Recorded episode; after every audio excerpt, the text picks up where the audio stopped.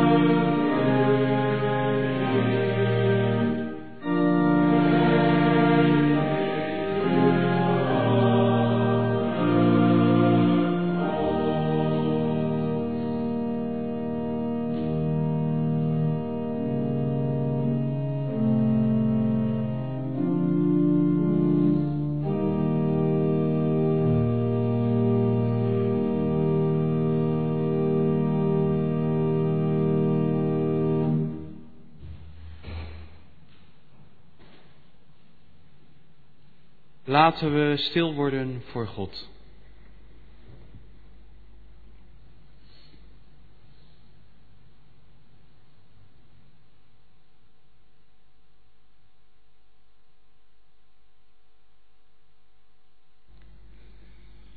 Onze hulp is in de naam van de Heere, die de hemel en de aarde gemaakt heeft, die trouw houdt tot in eeuwigheid en niet loslaat het werk van Zijn handen.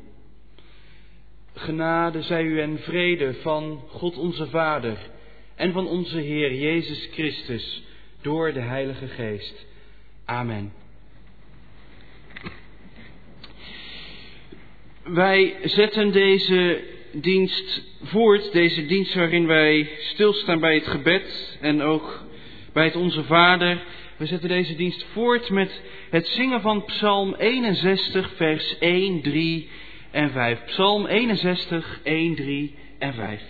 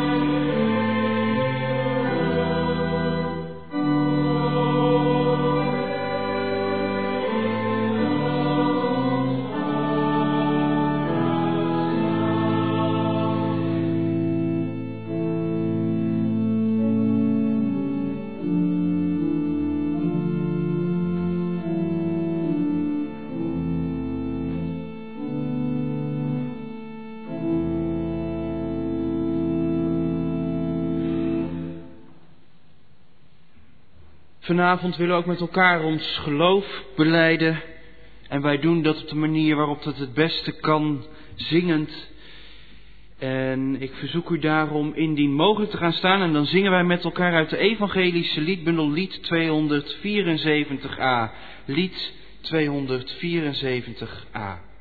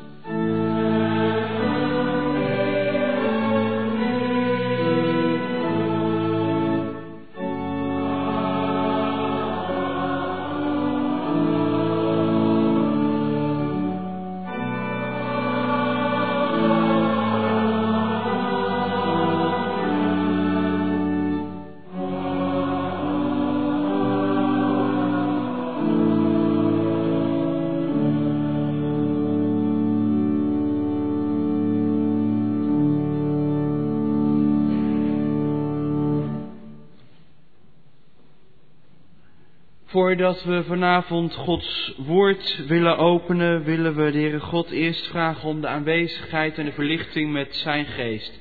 Laten we daarom bidden. Heere God, trouwe Vader in de hemel. Heer, wij danken u dat wij vanavond weer in uw huis mogen samen zijn om liederen met elkaar te zingen, om te bidden, om rondom een geopende Bijbel uw woord te horen en te overdenken met elkaar. Heere God, en u weet ook hoe we hier zitten, u weet wat ons bezig kan houden. Heere God, we bidden u, wilt u vanavond met uw Heilige Geest in ons midden aanwezig zijn? Wilt u ons verstand verlichten? Wilt u ons hart openen? Wilt u onze oren openen, dat uw woorden, ja, als het ware rechtstreeks in ons hart mogen landen? En dat uw woord daarin ook mag wortel schieten en dat wij vrucht mogen dragen, uw koninkrijk waardig door de kracht van uw geest. Heere God, ja, zo bidden u ook, kan van alles zijn in ons leven wat tussen ons en tussen u kan instaan, of tussen ons en tussen uw wil. Heere God, wij bidden u, wilt u dat ook vergeven door het werk van uw Zoon Jezus Christus. En Heere God, wilt u ons leren om de weg te gaan die u ons wijst. Heer, wees zo vanavond met ons allemaal, of we nu hier zitten, of als we meeluisteren via kerktelefoon of internet. Heere God, schenk ons een zegenrijke dienst met elkaar, tot eer van uw naam en tot opbouw van uw gemeente. Heer, dat bidden wij u door uw Zoon Jezus Christus, onze Heer. Amen. Vanavond openen we de schrift met elkaar in het Nieuwe Testament. Gedeelte van de bergreden lezen wij Matthäus 6, vers 5 tot en met 15. Matthäus 6, vers 5 tot en met 15.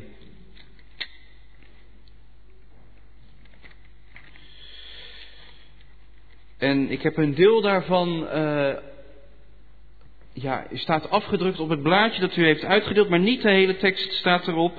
Ik heb alleen het uh, Onze Vader in twee vertalingen uh, ja, op de handout laten afdrukken. Wij lezen vanavond uit de nieuwe Bijbelvertaling, uit de nieuwe Bijbelvertaling. Dus die staat ook uh, links afgedrukt. Matthäus 6 vanaf vers 5. Het is de bergreden dat gedeelte gaat over het bidden. Dan zegt Jezus, en wanneer jullie bidden, doe dan niet als de huigelaars die graag in de synagoge en op elke straathoek staan te bidden, zodat iedereen hen ziet. Ik verzeker jullie, zij hebben hun loon al ontvangen. Maar als jullie bidden, trek je dan in huis terug, sluit de deur en bid tot je vader die in het verborgene is. Jullie vader die in het verborgene ziet, zal je ervoor belonen. Bij het bidden moeten jullie niet eindeloos voortprevelen zoals de heidenen die denken dat ze door hun overvloed aan woorden verhoord zullen worden. Doe hen niet na. Jullie vader weet immers wat jullie nodig hebben, nog voor jullie het hem vragen. Bid daarom als volgt. Onze Vader in de hemel, laat uw naam geheiligd worden. Laat uw koninkrijk komen en uw wil gedaan worden, op aarde zoals in de hemel. Geef ons vandaag het brood dat wij nodig hebben. Vergeef ons onze schulden zoals wij, zoals ook wij hebben vergeven wie ons iets schuldig was. En breng ons niet in beproeving, maar red ons uit de greep van het kwaad. Want als jullie anderen hun misstappen vergeven, zal jullie hemelse Vader ook jullie vergeven. Maar als je anderen niet vergeeft, zal jullie vader jullie je misstappen evenmin vergeven. Tot zover onze schriftlezing van vanavond. We willen nu met elkaar zingen een van de berijmde versies van het Onze Vader, gezang 48, vers 1, 2 en 3. Gezang 48, 1, 2 en 3.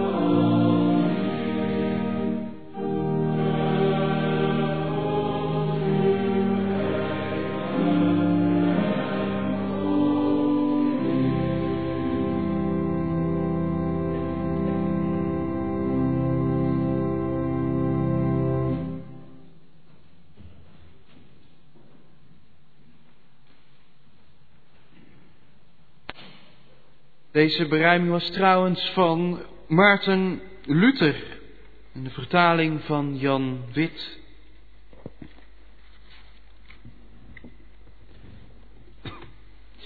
Na de verkondiging zingen we met elkaar uit de evangelische liedbundel lied 376, lied 376.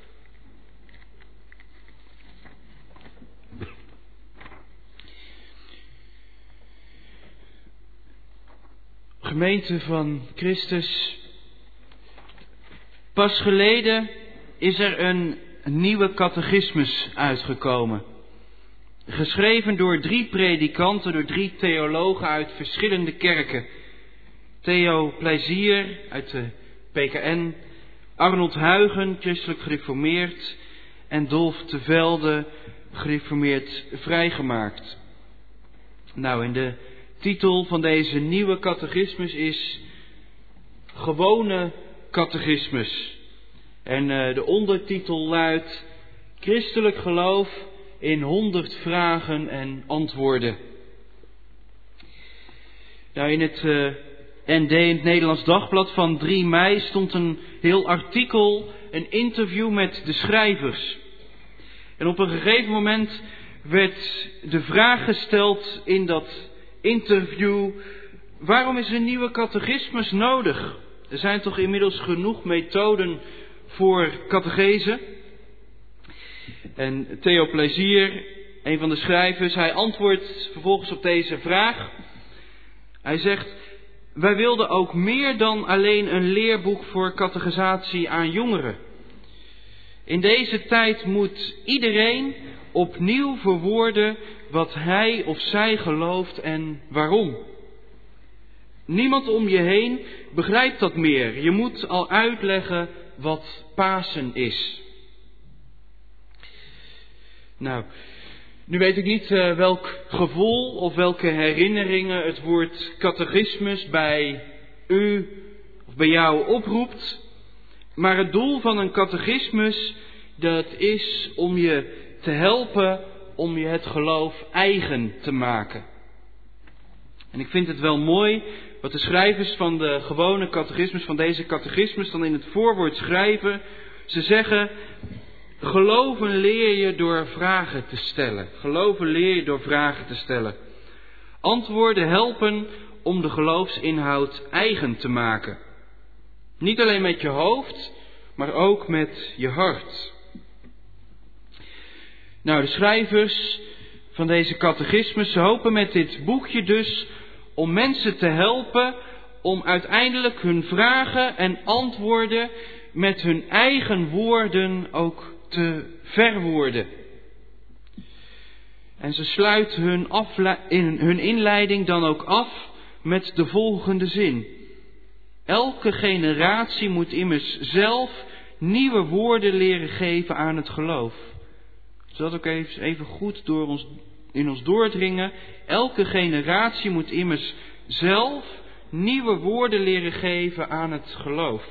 En als we dat ook niet doen, als we slechts maar klakkeloos herhalen wat ons in het verleden is verteld, ja, dan heb je ook groot kans dat je de feeling met het geloof gaat missen. Dat het een zaak wordt van het hoofd en niet meer zozeer van het hart. Elke generatie moet zelf nieuwe woorden leren geven aan het geloof. Ik vind het altijd een uh, aardige vergelijking om dat te vergelijken met bijvoorbeeld het spelen van een muziekinstrument of het leren spelen van een muziekinstrument, bijvoorbeeld een trompet. Nou, je hebt dan natuurlijk wel mensen in je omgeving nodig die je dat ook aanleren. Je kan het ook wel helemaal zelf doen, maar waarom zou je als er mensen zijn die het je kunnen leren? Nou, en zo leer je al gaandeweg dan trompet spelen. En dat is niet de bedoeling dat je dan alleen maar die liedjes blijft spelen die je allemaal geleerd zijn. Nee, juist het is ook het mooie dat je dan op een gegeven moment ook ja, je eigen muziek ervan kan maken. Nou, zo zie ik het eigenlijk ook een beetje met wat ons is aangereikt vanuit het verleden, om daar ook weer zelf proberen opnieuw woorden aan te geven over dat wat wij geloven. Een mooi initiatief dus, deze gewone catechismus, waarin de basiselementen van het christelijk geloof te sprake komen in gesprek met deze tijd en de wereld waarin wij nu leven. Het is dus eigenlijk back to basics in de praktijk. Nou, vanavond wil ik met u en met jou nadenken over vraag 32 uit deze nieuwe catechismus. En aansluitend willen we dan ook alvast een beetje stilstaan bij het begin van het Onze Vader. Kortom, vanavond staat dus het gebed centraal. ik zou ook zeggen, pak maar allemaal even het papier erbij. En dan lezen we vraag 32. Als u nou het Onze Vader voorwerkt, dan is het de andere kant. 32. En daar staat dan, wat doe je als je bidt? Wat doe je als je bidt? Wat doe je als je bidt? Ik spreek met God. Ik aanbid Hem. En ik vertrouw mij aan Hem toe. In mijn gebeden betrek ik Hem bij alles wat mij bezighoudt. Vraag ik Hem om mij op de weg naar zijn koninkrijk te houden. En dank ik hem voor zijn voortdurende liefde en zorg. Nou ja, als je dit zo leest, dan kun je jezelf dus afvragen, kan ik mij nou hierin vinden, in dit antwoord wat hier wordt gegeven? Ben ik het eens met wat de schrijvers hier hebben opgeschreven? Nou, misschien ook goed daarom om dit blaadje er nog eens bij te pakken in de komende week en om dit antwoord ook eens rustig op je te laten inwerken. Wat doe je nu als je bidt? Stel die vraag ook eens even aan jezelf. Wat doe ik nou eigenlijk als ik bid? Wat gebeurt er dan? Wat doe ik dan? Wat doet u als u bidt? Nou, zij antwoordde dan dus: Ik spreek met God. Ik aanbid Hem. En ik vertrouw mij aan Hem toe. In mijn gebeden betrek ik Hem bij alles wat mij bezighoudt. Vraag ik Hem om mij op de weg naar Zijn koninkrijk te houden. En dank ik Hem voor Zijn voortdurende liefde en zorg. Je kan dus jezelf afvragen, bid ik nou zo? Wat kan ik hier nou van leren? Het mooie aan zo'n hedendaagse catechismus, dat is dat je je eraan kan schuren. Welk antwoord zou ik geven? Wat kan ik voor, van het antwoord dat hier gegeven wordt ook zelf leren? Waar ben ik het mee eens of waarmee niet en waarom? Nou, deze nieuwe catechismus laat het niet zitten bij een vraag en een antwoord. Nee, ook bij elk, elke vraag en antwoord wordt een korte toelichting gegeven. Die toelichting staat dan op de pagina ernaast. Laten we die ook met elkaar lezen. Er staat dan de toelichting, staat geschreven, God spreekt ons aan en wij geven biddend antwoord door ons aan Hem toe te vertrouwen. We laten God in ons leven werken en zo erkennen we Hem als de God van ons leven. Paulus spoort ons aan dan ook Paulus spoort ons dan ook aan om zonder ophouden te bidden. 1 Thessalonicense 5 vers 17. Dat betekent geen gebedsmarathon, maar een leven dat gestempeld is door antwoorden op God en luisteren naar Zijn stem. Zo helpt gebed ook om te voorkomen dat we in gescheiden werelden gaan leven. Een religieuze wereld van gebed tegenover de gewone wereld waarin we ons eigen ding doen. Gebed betekent juist dat we midden in de wereld staan, als mensen die zijn afgestemd op God. En dat we ons hoe langer hoe meer laten afstemmen op God. Concreet betekent dit dat heel mijn leven en alles wat mij bezighoudt een plek heeft voor Gods aangezicht. Door gebed leer ik alle dingen zien in het licht van Gods koninkrijk dat komt. Dan zien carrièrekansen, tegenslagen, gezondheid en de situatie in de wereld er anders uit dan in het licht van de dominante zienswijze van geld, genot en geluk. Danken betekent God erkennen als de gever van alles wat je ontvangt. Nou, wat er voor mij uitsprong in deze toelichting, dat was onder andere het zinnetje aan het eind van de eerste alinea. Gebed betekent juist dat we midden in de wereld staan als mensen die zijn afgestemd op God. En dat we ons hoe langer hoe meer laten afstemmen op God. Bidden, dat is je afstemmen op God. Midden in deze wereld, met alles wat er kan gebeuren, je afstemmen op God.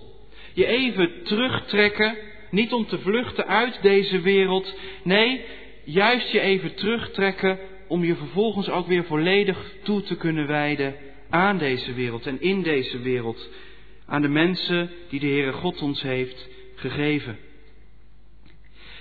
En om ook misverstanden te voorkomen, deze catechismus heeft dus niet als bedoeling dat we deze woorden gewoon allemaal maar klakkeloos napraten, zonder nadenken overnemen. Nee, deze catechismus wil als het ware een schuurpapiertje zijn. Deze catechismus wil een schuur papiertje zijn. En dat is ook belangrijk, ook vandaag. In een tijd waarin het christelijk geloof, ja, waarin je soms wel het idee hebt dat het christelijk geloof zo langzaam afbrokkelt, waarin kennis bij mensen, ook bij ouderen, ook bij jongeren afneemt, dan is het belangrijk en dan is het heel goed dat er weer de nodige kennis ook wordt overgebracht over het geloof, over de Bijbel en noem maar op. Maar deze catechismus, deze gewone catechismus, wil daarbij helpen.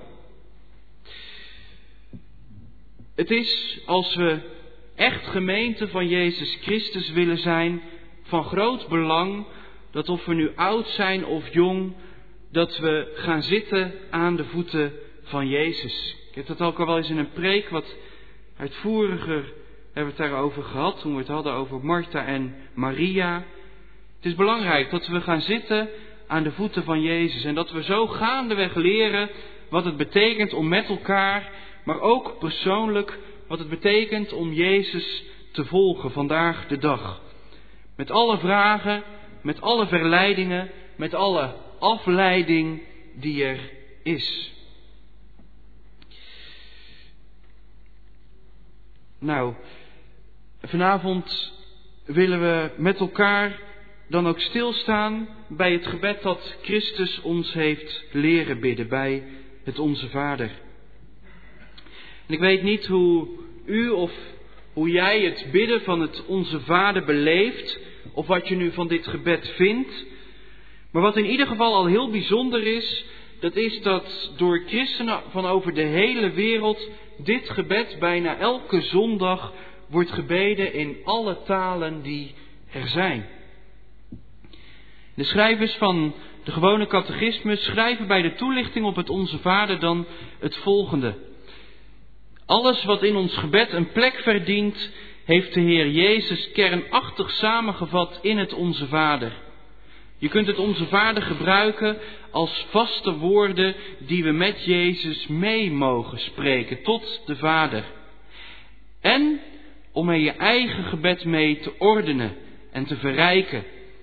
Bij alles wat we nog meer bidden, is dit wat we het meeste nodig hebben.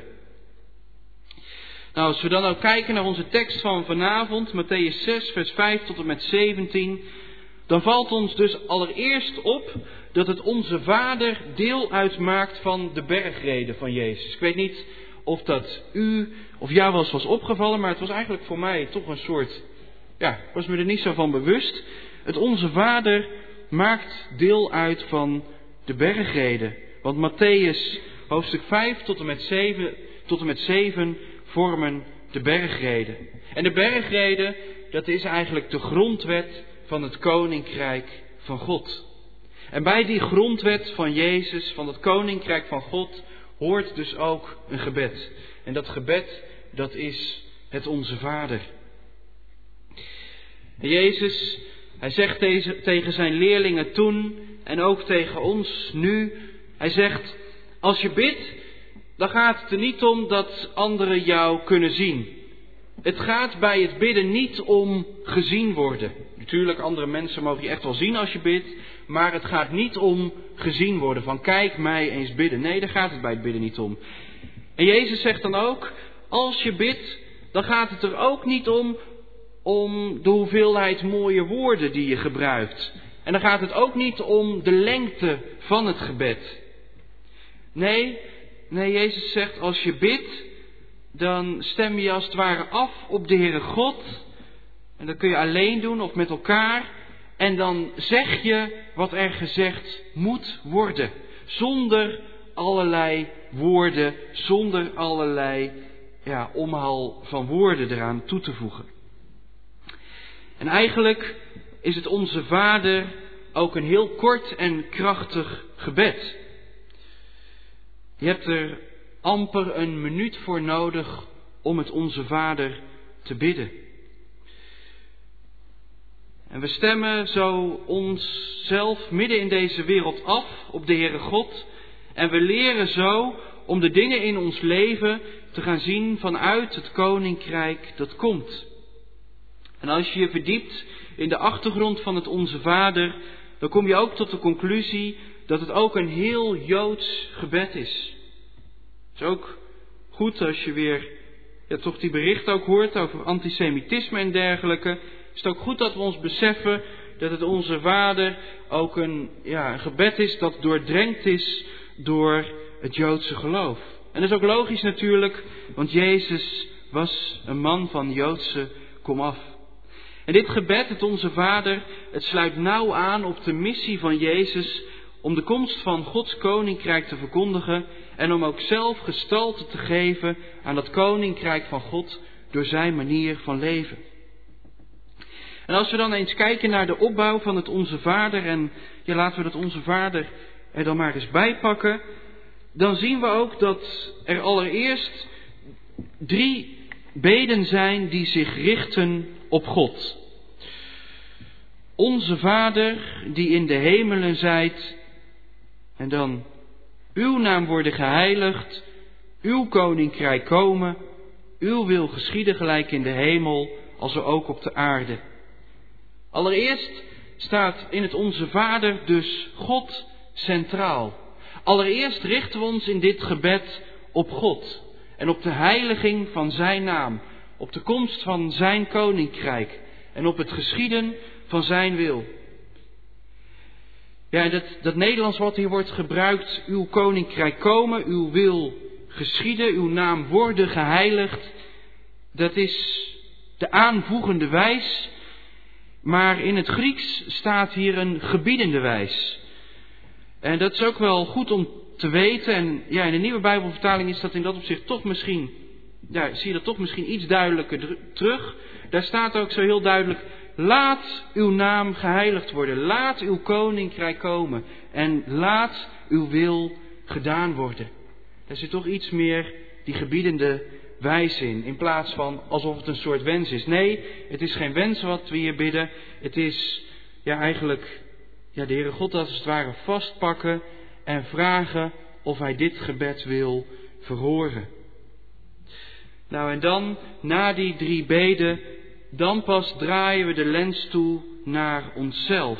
En dan bidden we, geef ons heden ons dagelijks brood en vergeef ons onze schulden, gelijk ook wij vergeven onze schuldenaren. En leid ons niet in verzoeking, maar verlos ons van de boze. Nadat er dus allereerst drie beden op God zijn gericht, volgen er dan vervolgens drie beden die op ons zijn gericht. En in het oorspronkelijke evangelie van Matthäus stopt dan ook het Onze Vader. We zien dat ook bij de, bij de afdruk die, uh, die we hebben uitgedeeld gekregen, de NBV 2004. Dan zie je bij vers 13, dan stopt het bij maar red ons uit de greep van het kwaad. En je ziet dan bij de MBG van 1951 tussen haken staan, want uwer is het koninkrijk en de kracht en de heerlijkheid in der eeuwigheid. Amen. Nou, hoe dat komt, in een latere tijd, vermoedelijk in de vierde of de vijfde eeuw, is deze lofprijzing aan het Onze Vader toegevoegd. En in de NBG van 1951, in de vertaling van 1951, staat daarom ook die tekst tussen haken. Want van u is het koninkrijk en de kracht en de heerlijkheid tot in eeuwigheid. Amen. Het zijn woorden die gebaseerd lijken te zijn op woorden van koning David, die staan in 1 Kronieken 29, vers 10 tot en met 12. Een latere toevoeging dus aan het Onze Vader. En dan voor vanavond tot slot. We bidden dus onze Vader. We mogen God dus aanspreken als Vader. En dat geeft al iets heel moois aan over de intieme sfeer die er mag zijn tussen de Heere God en ons. De Heere God, Hij wil voor ons zijn zoals een goede vader er wil zijn voor zijn kinderen. Er is geen sprake dus van een enorme, niet te overbruggen afstand tussen God en ons. Nee, in Christus en door Christus mogen wij bidden, onze Vader die in de hemelen zijt, alsof Hij als het ware naast ons staat. Onze Vader. En daarmee worden we dus eigenlijk in dit gebed als vanzelf ook Zijn kinderen, Zijn zonen en dochters. En tegelijkertijd ook broers en zussen in het geloof. Familie van elkaar, kinderen van deze Vader. Want we hebben het niet over mijn Vader die in de hemelen zijt. Nee, we hebben het over onze Vader. Dat is dus tegelijkertijd heel persoonlijk, maar het is nooit individualistisch. Nee, samen als gemeente van Hem mogen we bidden, onze Vader. Geloven in de God, het is nooit een privé gebeuren. Je gaat nooit naar de kerk alleen maar voor jezelf. Nee, we gaan samen op weg. Je bidt samen, je zingt samen, je luistert samen naar Gods woord en je overdenkt dat ook samen. En ook in onze gebeden thuis of persoonlijk is het dan ook goed dat we niet alleen maar aan onszelf blijven denken, maar dat we in onze binnenkamer als het ware ook andere mensen meenemen. Onze Vader die in de hemelen zijt. Enerzijds dus zo dichtbij, maar in de hemelen zijt laat ook zien dat de Heere God nooit te grijpen is of te manipuleren. En ik las het volgende over het bidden van het Onze Vader. Het Onze Vader bidden betekent dat je zegt, Jezus heeft me gevangen in het net van het goede nieuws. Nu wil ik deel uitmaken van zijn koninkrijksbeweging. Het Onze Vader bidden betekent dat je zegt, Jezus heeft me gevangen in het net van het goede nieuws. Nu wil ik deel uitmaken van zijn koninkrijksbeweging. Ja, in dit citaat zien we dus ook dat bidden nooit maar één kant op gaat. Bidden, dat is nooit eenrichtingsverkeer. Nee, bidden, dat is een wederkerig gebeuren. En dat laat het onze Vader ook heel mooi zien. Het is je afstemmen op de Heere God, op onze Vader in de hemel. Zodat Hij ons ook door de kracht van Zijn geest, Zijn kinderen, elke dag weer opnieuw ook afstemt om de weg te gaan die Hij ons wijst. Hij wil ons afstemmen zodat wij zoeken naar Zijn koninkrijk en naar Zijn gerechtigheid in het gewone leven van elke dag. Amen.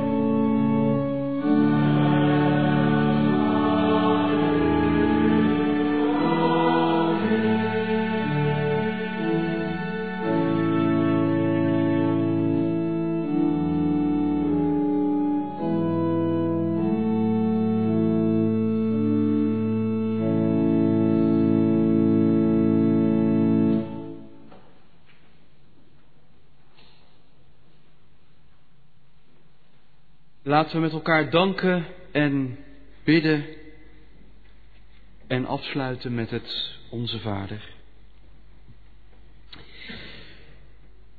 Heere God, trouwe Vader in de hemel, aan het eind van deze dienst komen we tot U.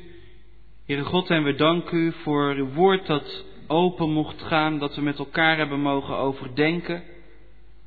Wat het is om te bidden, wat het betekent ook om het onze Vader te bidden. Heere God, en ja, daar hebben we nog maar een tipje van de sluier als het ware besproken.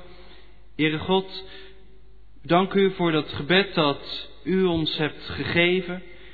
Heer, en ja, we willen u ook bidden. Wilt u zo ook weer de komende week met ons meegaan? Dat we ons ook zullen schuren aan dat wat we vandaag hebben mogen horen. Dat we eruit eh, zullen leven. Dat we ja, op de weg van uw koninkrijk ook zullen gaan. Heere God, wilt u ons daarom ook leren dat we ons telkens weer opnieuw afstemmen op u. Zodat u ook door de kracht van uw Heilige Geest ons kunt afstemmen om uw weg in het leven te gaan. Heere God, wees zo met ons. Heer, kunnen ook redenen zijn waarom wij helemaal niet meer tot bidden komen. Misschien bidden we al jaren niet meer. Heere God, misschien zijn er dingen waar we heel erg mee zitten. Heer, wat is het dan ook rijk om te horen vanuit uw woord dat we alles voor u neer mogen leggen. Dat we ons hart mogen uitstorten bij u. Heere God, en misschien als het ons ook niet lukt om te bidden, dat u het dan bent die met uw geest met ons meebidt en met ons meezucht.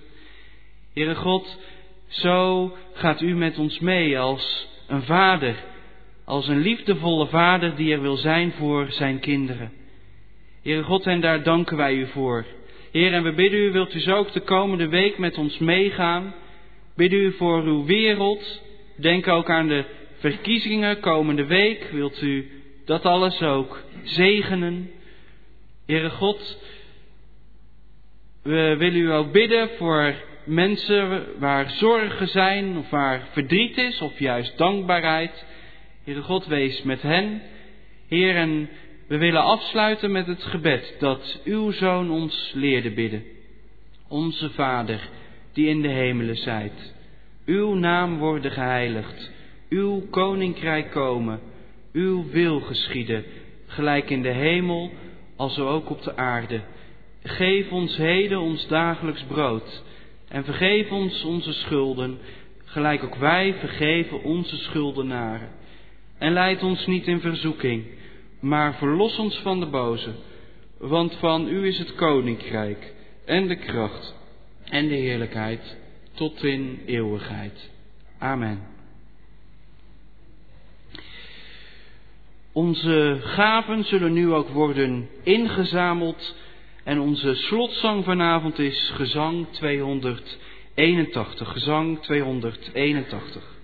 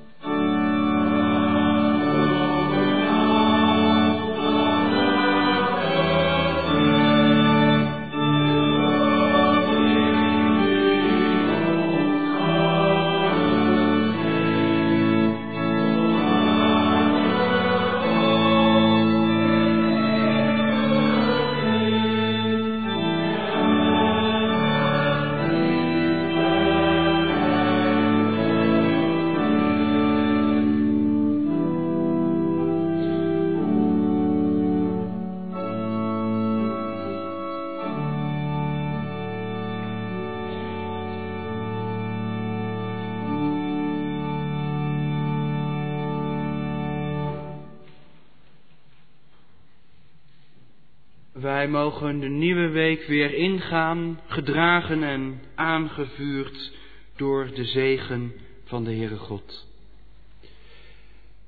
De genade van onze Heer Jezus Christus, de liefde van God en de gemeenschap met de Heilige Geest zij met u allen.